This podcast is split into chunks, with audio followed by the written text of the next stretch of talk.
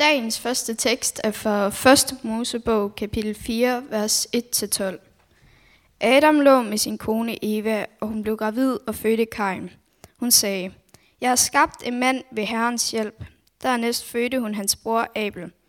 Abel blev forhyrte, mens Kain blev agerdyrker. En gang bragte Kain en offergave af jordens afgrøde til Herren. Også Abel bragte en offergave. Fedtstykkerne af sit første fødtes. Fedtstykkerne af sit første fødte. Øh, herren tog imod Abels offergave, men Kains offergave tog han ikke imod. Så blev Kain meget vred og gik med sænket hoved. Hein, herren sagde til Kain, hvorfor er du vred, og hvorfor går du med sænket hoved? Hvis du gør det gode, kan du se frit op, men hvis du ikke gør det gode, lurer synden ved døren. Den vil begære dig, men du skal herske over den. Siden talte Kain til sin bror Abel, og da de en dag var ude i det fri, overfaldt Kain sin bror Abel og slog ham ihjel. Der spurgte herren Kain, hvor, hvor er din bror Abel? Kain svarede, det ved jeg ikke. Skal jeg vogte min bror? Herren sagde, hvad er det, du har gjort? Din brors blod råber til mig fra jorden. Nu skal du være bandlyst fra den jord, som har spærret sig gab op og drukket din brors blod, som du udgød. Når du dyrker jorden, skal den ikke mere give dig sin afgrøde. Fredløs og flygtning skal du være på jorden. Og dagens anden tekst, den er skrevet i Jakobsbrevet kapitel 1 fra vers 9 til vers 16. Og der står, En bruder i ringekår skal være stolt af sin høje stand, en rig af sin ringe stand, for som markens blomster skal han forgå. Solen står op og svider marken med sin glød, så dens blomster falder, og deres skønhed er forbi. Sådan skal også den rige visne midt i sin foretagsomhed. Salig er den, som holder ud i prøvelse, for når han har stået sin prøve, vil han få livets sejrskrans, som Gud har lovet dem, der elsker ham. Men ingen, som bliver fristet, må sige, jeg bliver fristet af Gud, for Gud kan ikke fristes af det onde, og selv frister han ingen. Når man fristes, er det ens eget begær, der drager og lokker en. Når så begæret har undfanget, sætter det synd i verden, og når synden er vokset op, føder den død. Far ikke vil, mine kære brødre. Tak skal I have. Det var Sara og Smilla, der læste for os her. Og jeg skal fortsætte med at læse fra Lukas evangeliet kapitel 22, øh, vers 24-32. Disciplene kom også i strid om, hvem af dem, der skulle regnes for den største. Der sagde Jesus til dem, Folkenes konger hersker over dem, og de, som udøver magt over dem, lader sig kalde velgørere. Sådan skal I ikke være. Men den ældste blandt jer skal være som den yngste, og lederen som den, der tjener. For hvem er størst? Den, der sidder til bords, eller den, der tjener? Er det ikke den, der sidder til bords? Men jeg er iblandt jer som den, der tjener. Jer er det, der er blevet hos mig under mine prøvelser. Og ligesom min far har overdraget mig riget, overdrager jeg det til jer. For at I skal spise og drikke ved mit bord i mit rige, og I skal sidde på troner og dømme Israels 12 stammer. Simon, Simon, Satan gjorde krav på jer for at sigte jer som vede, men jeg bad for dig, for at din tro ikke skal svigte. Og når du engang vender om, så styrk dine brødre.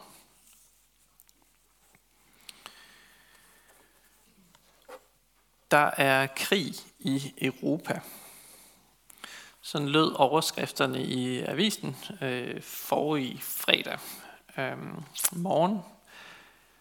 Og øh, siden da har vi set og hørt øh, ulykkelige og tragiske og hjerteskærende historier og billeder fra Ukraine.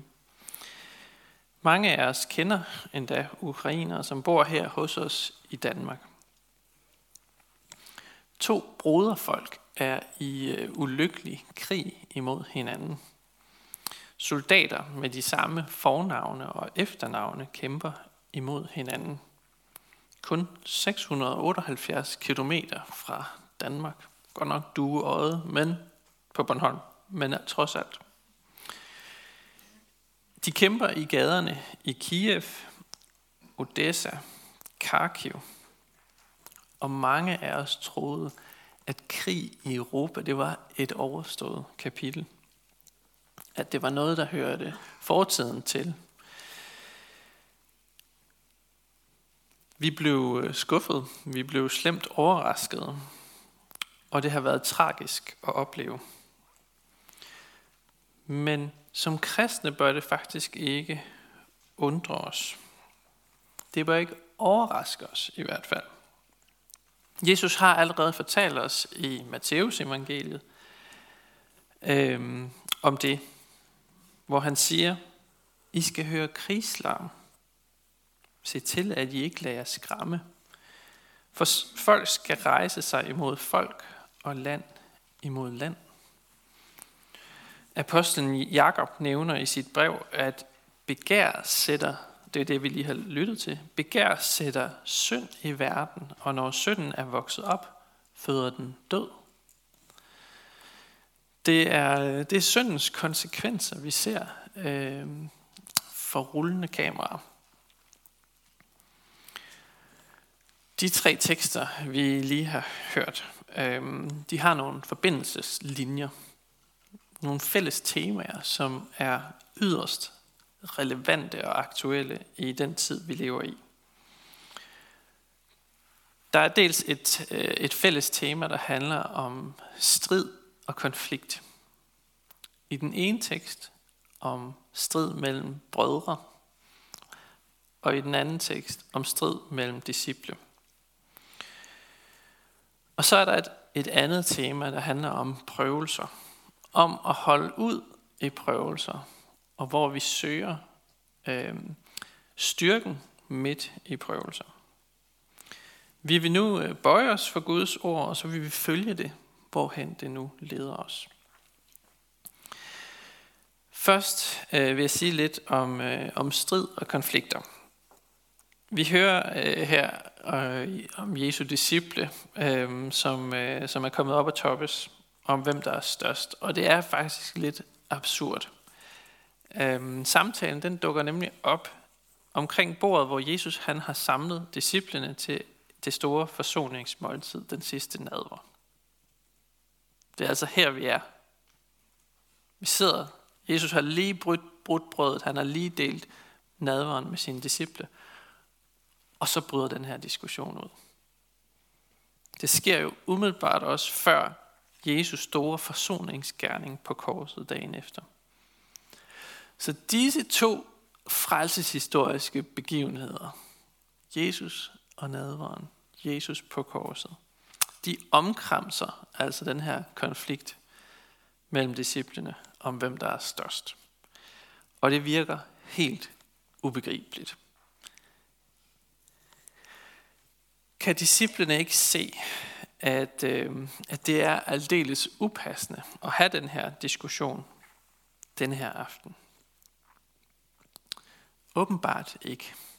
De har den i hvert fald. Og måske er det noget, siger det noget om, hvor dybt magtbegæret i os mennesker egentlig stikker. Hvor meget vi længes efter at være store.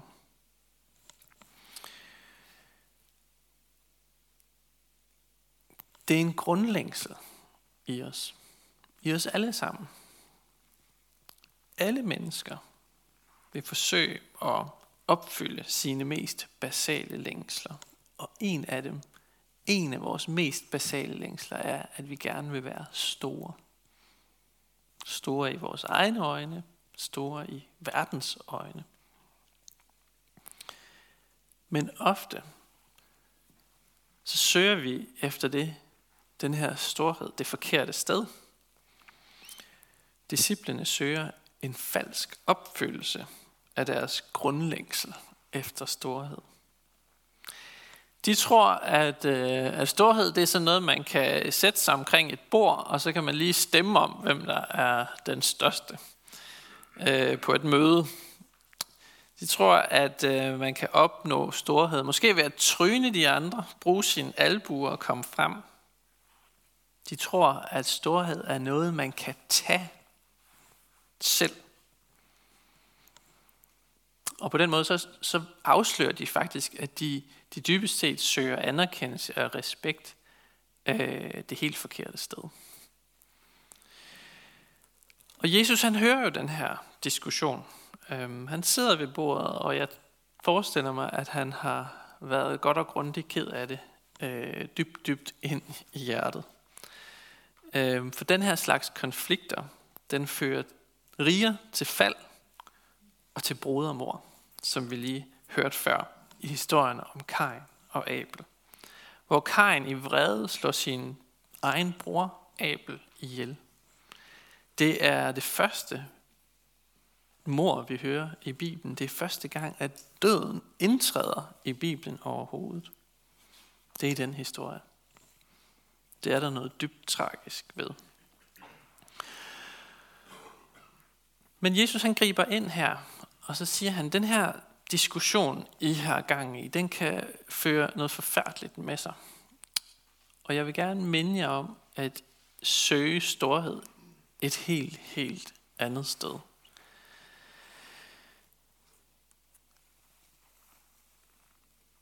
Han siger sådan her. Folkenes konger hersker og udøver magt og lader sig kalde velgørere, men sådan skal I ikke være. Disciplene skal ikke strides med hinanden om magt og storhed. For i blandt dem, og sådan set også i blandt os her i menigheden, der skal der herske en anden orden. Og Jesus kommer med nogle eksempler. Han siger, her hos os, der skal herske den orden, at den yngste skal være lige med den ældste. Den rige skal være lige med den fattige. Den, der er leder, skal være lige med den, der tjener. Så der skal være en grundlæggende lighed i menigheden, og det minder Jesus disciplene om her. For på det helt dybe plan, der, skal, der søger vi kristne ikke storhed i os selv, eller i menneskers øjne, eller i verdens øjne. Vores dybe længsel efter storhed, den finder sin tilfredsstillelse i Jesus. Den finder sin tilfredsstillelse i det, han har gjort.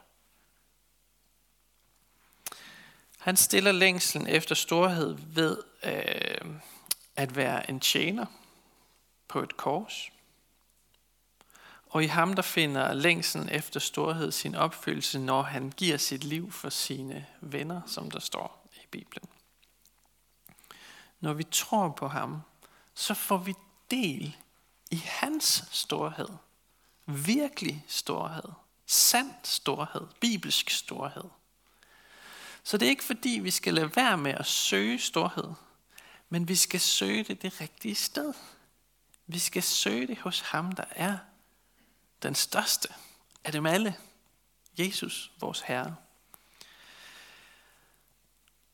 Og med det siger Jesus også, at han faktisk gerne vil fylde vores dybeste længsler. Det er ikke sådan øh, en fejl, at vi længes efter storhed. Nej, vi skal bare finde den det rigtige sted. Og sådan er det faktisk med alle vores længsler. Længsler efter kærlighed. Længslen efter retfærdighed. Længslen efter fællesskab. Alle de her dybt liggende grundlængsler i os, kan vi enten fylde på falsk vis i den her verdens øjne og, og med alle mulige falske ting, men vi kan også søge at fylde den med, med Jesus, med vores med, med fællesskab med ham, med hans kærlighed, med hans retfærdighed. Det er det, Jesus minder sine disciple om her. Så det, lad det være en påmindelse til os alle om at lade vores dybeste længsler tilfredsstille af Gud.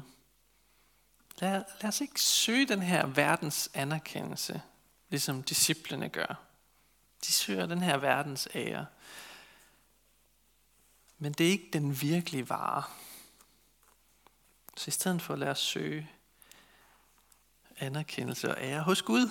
Ja. Det næste punkt i min prædiken, det handler om prøvelser. Øhm, og teksten siger en hel del om prøvelser. Øhm, og jeg tænker her øh, både på sådan hverdagens almindelige udfordringer, som vi alle sammen går og kæmper med. Men jeg tænker også særligt i aften på de prøvelser, som rammer i sådan den helt ekstraordinære situation, øh, som vi ser det i Ukraine for tiden. Øh, I begge de her situationer, der ønsker Gud at møde vores dybeste længsler. Både i hverdagens prøvelser, men også i det helt ekstraordinære. Det kan godt være, at han ikke møder dem på den mest øh, oplagte måde, eller den måde, som vi lige havde tænkt på. Men han ønsker at møde dem øh, på evangeliets måde, på den bedste måde. Han ønsker at møde ensomhed med fællesskab. Han ønsker at møde synden med retfærdighed. Og han ønsker at møde løgnen med sandhed. Fordi han kommer som den, der tjener, hvor andre hersker. Og det er helt tydeligt, at Jesus øh, i den her tekst forsøger at kommunikere et håb til disciplene. Øh, sådan at tingene, som de er nu, sådan skal de ikke blive ved med at være. Det er sådan set dybest set det håb, Jesus han kommunikerer. Selvom vi kan stå i noget, der er udfordrende, selvom der er noget, der, der kan være en virkelig udfordrende prøvelse for os, så bringer Jesus et håb om, at det kan blive bedre. Der er en bedre fremtid i vente. Forestil jer, øh, at de ukrainer, der er i Ukraine lige nu, ikke havde noget håb. Hvad ville der så ske? Så ville, øh, ville der ligesom ikke være noget formål. Så ville øh, alting formentlig falde helt sammen. Fordi hvis vi mister håbet, så mister vi også modet. Og øh, håb er ikke, her der tænker jeg ikke sådan håb i, at vi sådan skal være optimistiske. At i morgen, der bliver det helt sikkert bedre. I morgen, der bliver det solskin.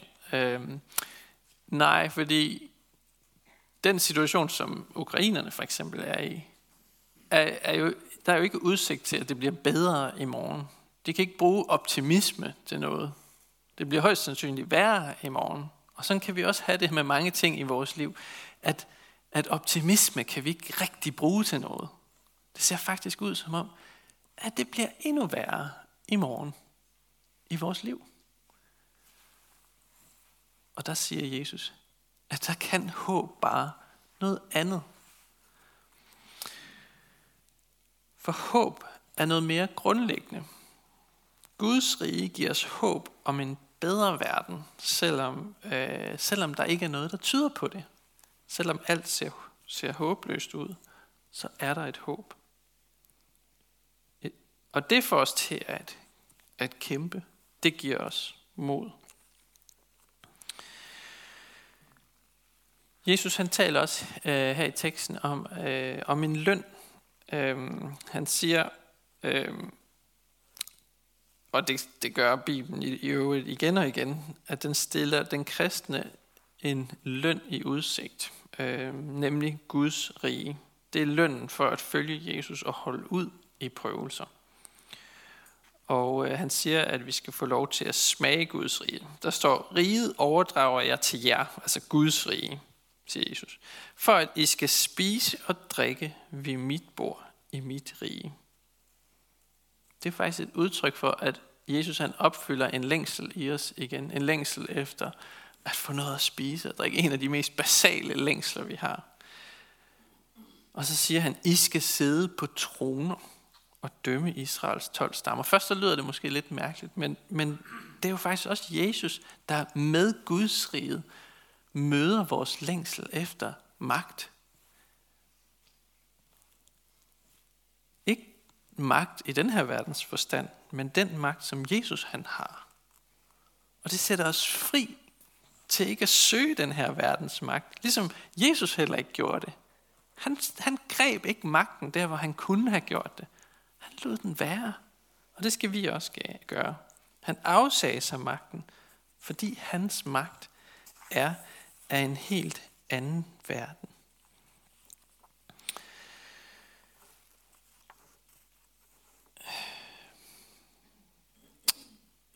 Jesus han, i teksten, der taler han sådan om, at riget det overdrages til øh, disciplene. Han siger, Gud har overdraget riget til Jesus, det er i datid, og så står der, Jesus overdrager riget til dem, der er blevet hos ham under hans prøvelser, altså i nutid, og disciplene skal opleve riget på et tidspunkt, altså i fremtiden. Så der er sådan en overdragelsesproces her af Guds rige, den her løn for at holde ud i prøvelser. Og han siger, det er noget, der er sket, det er noget, der sker nu, og det er noget, der engang vil ske. Så kan I se, der er sådan et, det, det, det er en proces. Det er overdraget til Jesus. Det overdrages nu til disciplene, og de skal en dag træde fuldt ud ind i det. Så der er noget allerede i det, og så er der noget endnu ikke. Øhm, og det er en del af det, sådan, det er den måde, Jesus han taler om Guds rige. Noget allerede, noget endnu ikke. Det er sat i værk, men det er endnu ikke fuldt udfoldet. Der er prøvelser endnu som kristen, men håbet er, at alting en dag bliver anderledes. Og det håb skal bære os igennem prøvelserne. Og det hænger egentlig meget godt sammen med, at vi befinder os midt i fastetiden, eller i begyndelsen af fastetiden. Øhm, fordi fastetiden handler om at gå, no, gå ind i nogle prøvelser, sådan set. Vi ønsker at begrænse nogle menneskelige begær, noget menneskeligt begær, og gå ind i en prøvelse, øhm, for at skifte ud med øh, Guds, øh, altså lad Gud tilfredsstille vores længsler, i stedet for at bare lade det blive tilfredsstillet af vores begær. Vi ønsker simpelthen at begrænse det menneskelige begær til at opfylde vores mest grundlæggende behov på en usund og egoistisk måde. Og vi ønsker i stedet for at fylde vores behov med Guds rige og Guds løfter. Det er en slags prøvelse. Det er en prøvelsestid, vi går ind i nu. Og i Jakobs brev, der står der, at det er vigtigt for ham at understrege, at prøvelserne de kommer altså ikke fra Gud. Øhm, de er enten noget, mennesket selv øhm, er årsag til. Vi gør, der er utrolig meget ondskab, der kan pege lige tilbage på noget, som mennesker har besluttet at gøre. Og så er der en anden side, som vi også bliver mindet om i dagens tekst, og det er, at Satan frister os.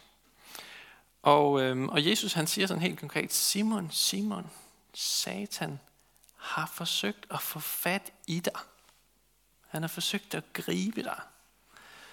Øhm, og jeg kan ikke forestille mig noget værre at falde i hænderne på den her løgner og bedrager. Det er noget, jeg ikke ville ønske for min værste fjende.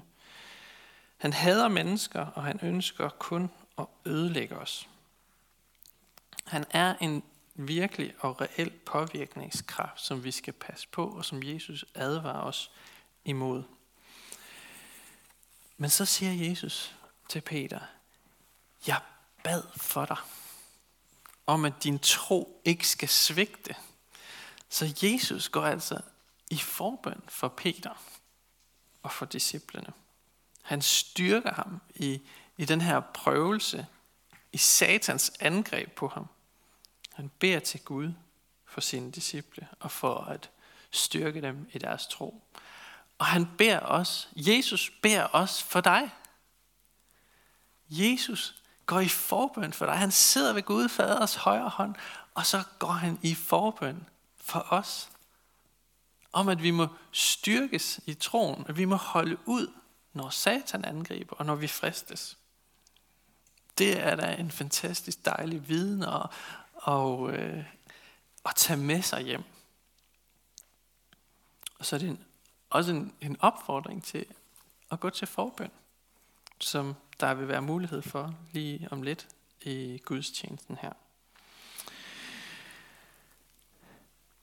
Sammenfattende her til sidst, øh, så bliver vi altså mindet om i dagens tekst, at Jesus går i forbøn for os. Han beder til Gud midt i vores prøvelser med det formål, at vi kan styrke hinanden i troen. Det kan vi have særlig brug for i en tid, der er præget af krig, og hvor land rejser sig imod land, med alle de, de uhyggelige konsekvenser, det har for samfundet og for kirken. Og så minder teksten os om, og, øh, at når vi vil søge vores, øh, vores opfyldelse i alle mulige falske ting, så minder Jesus os om at søge den opfyldelse i ham. Han ønsker at fylde vores behov øh, og skabe en ny retning i dit liv. Når vi ser syndens konsekvenser i verden, så skyldes det som oftest, at, øh, at vores dybeste længsler forsøges opfyldt på falsk vis. Begæret i os føder synd og død, som Jakob skrev. Øhm, og Jesus minder os om, at sådan skal det ikke være her hos os. Vi skal behandle hinanden lige. Vi skal behandle hinanden ordentligt uanset om man er ung eller gammel, leder eller tjener, rig eller fattig. For den storhed, som Jesus han vil give, den handler ikke om at, at herske og være størst, men om at han er tjener på korset, og vi er kaldet til at følge efter ham. Lad os bede sammen. Jesus, vi takker dig for menigheden her. Vi takker dig for fællesskabet, og vi beder dig, styrk os i indbyrdes kærlighed. Og udrust os hver især med nådegaver til fælles gavn og opbyggelse. Og lær os at række ud over egne behov. Vi beder dig for menighedens børn, både de fødte og de ufødte. Beskyt du dem og lad dem få lov til at vokse op i troen på dig. Vi beder dig for menighedens konfirmander. Vi beder dig for konfirmationen, der nærmer sig. Vil du være med den dag, og vil du være med i tiden, der kommer, i forberedelserne, og vil du altid være centrum i konfirmandernes liv. Vi beder dig for ægteskabet og dem, der lever alene. Giv os din kraft til at leve efter din vilje. Vi beder dig for vores by, for skær og omegn, at du, Jesus, må blive kendt her, og troet her, og elsket her, og efterfulgt her. Vi beder dig for Nils Jørgen Fogh, menighedens vejleder, at du må styrke ham i hans arbejde og holde os alle fast på Bibelens grund. Vi beder dig om, at du vil være nær hos alle, der er ramt af sorg og sygdom og lidelse. Giv os mod til at være til stede og visdom til at lindre smerten hos hinanden. Hør os, når vi i stillhed hver især beder for en, vi kender.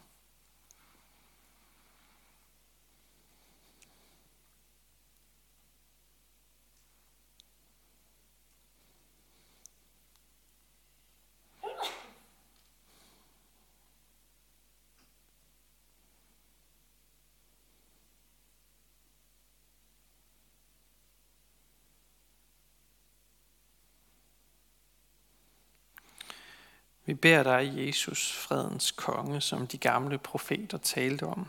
Kom med din fred, når krigen brager. Vær du nær i beskyttelsesrummene og slå du følgeskab med flygtningen på deres uforudsigelige vej. Vi beder dig om, at freden må komme, at sorg må heles, og at du vil gå i rette med magtbegær og løgn i denne verden. Vi beder dig for din kirke. Lad budskabet om dig, Jesus, spredes over hele jorden. Og styrk dem, som forfølges for dit navns skyld. Vi beder dig for vores folk, for alle, der er blevet betroet magt og autoritet. Hjælp dem og os til at værne hinanden mod uret og vold, og kom så snart og gør alting nyt. Amen.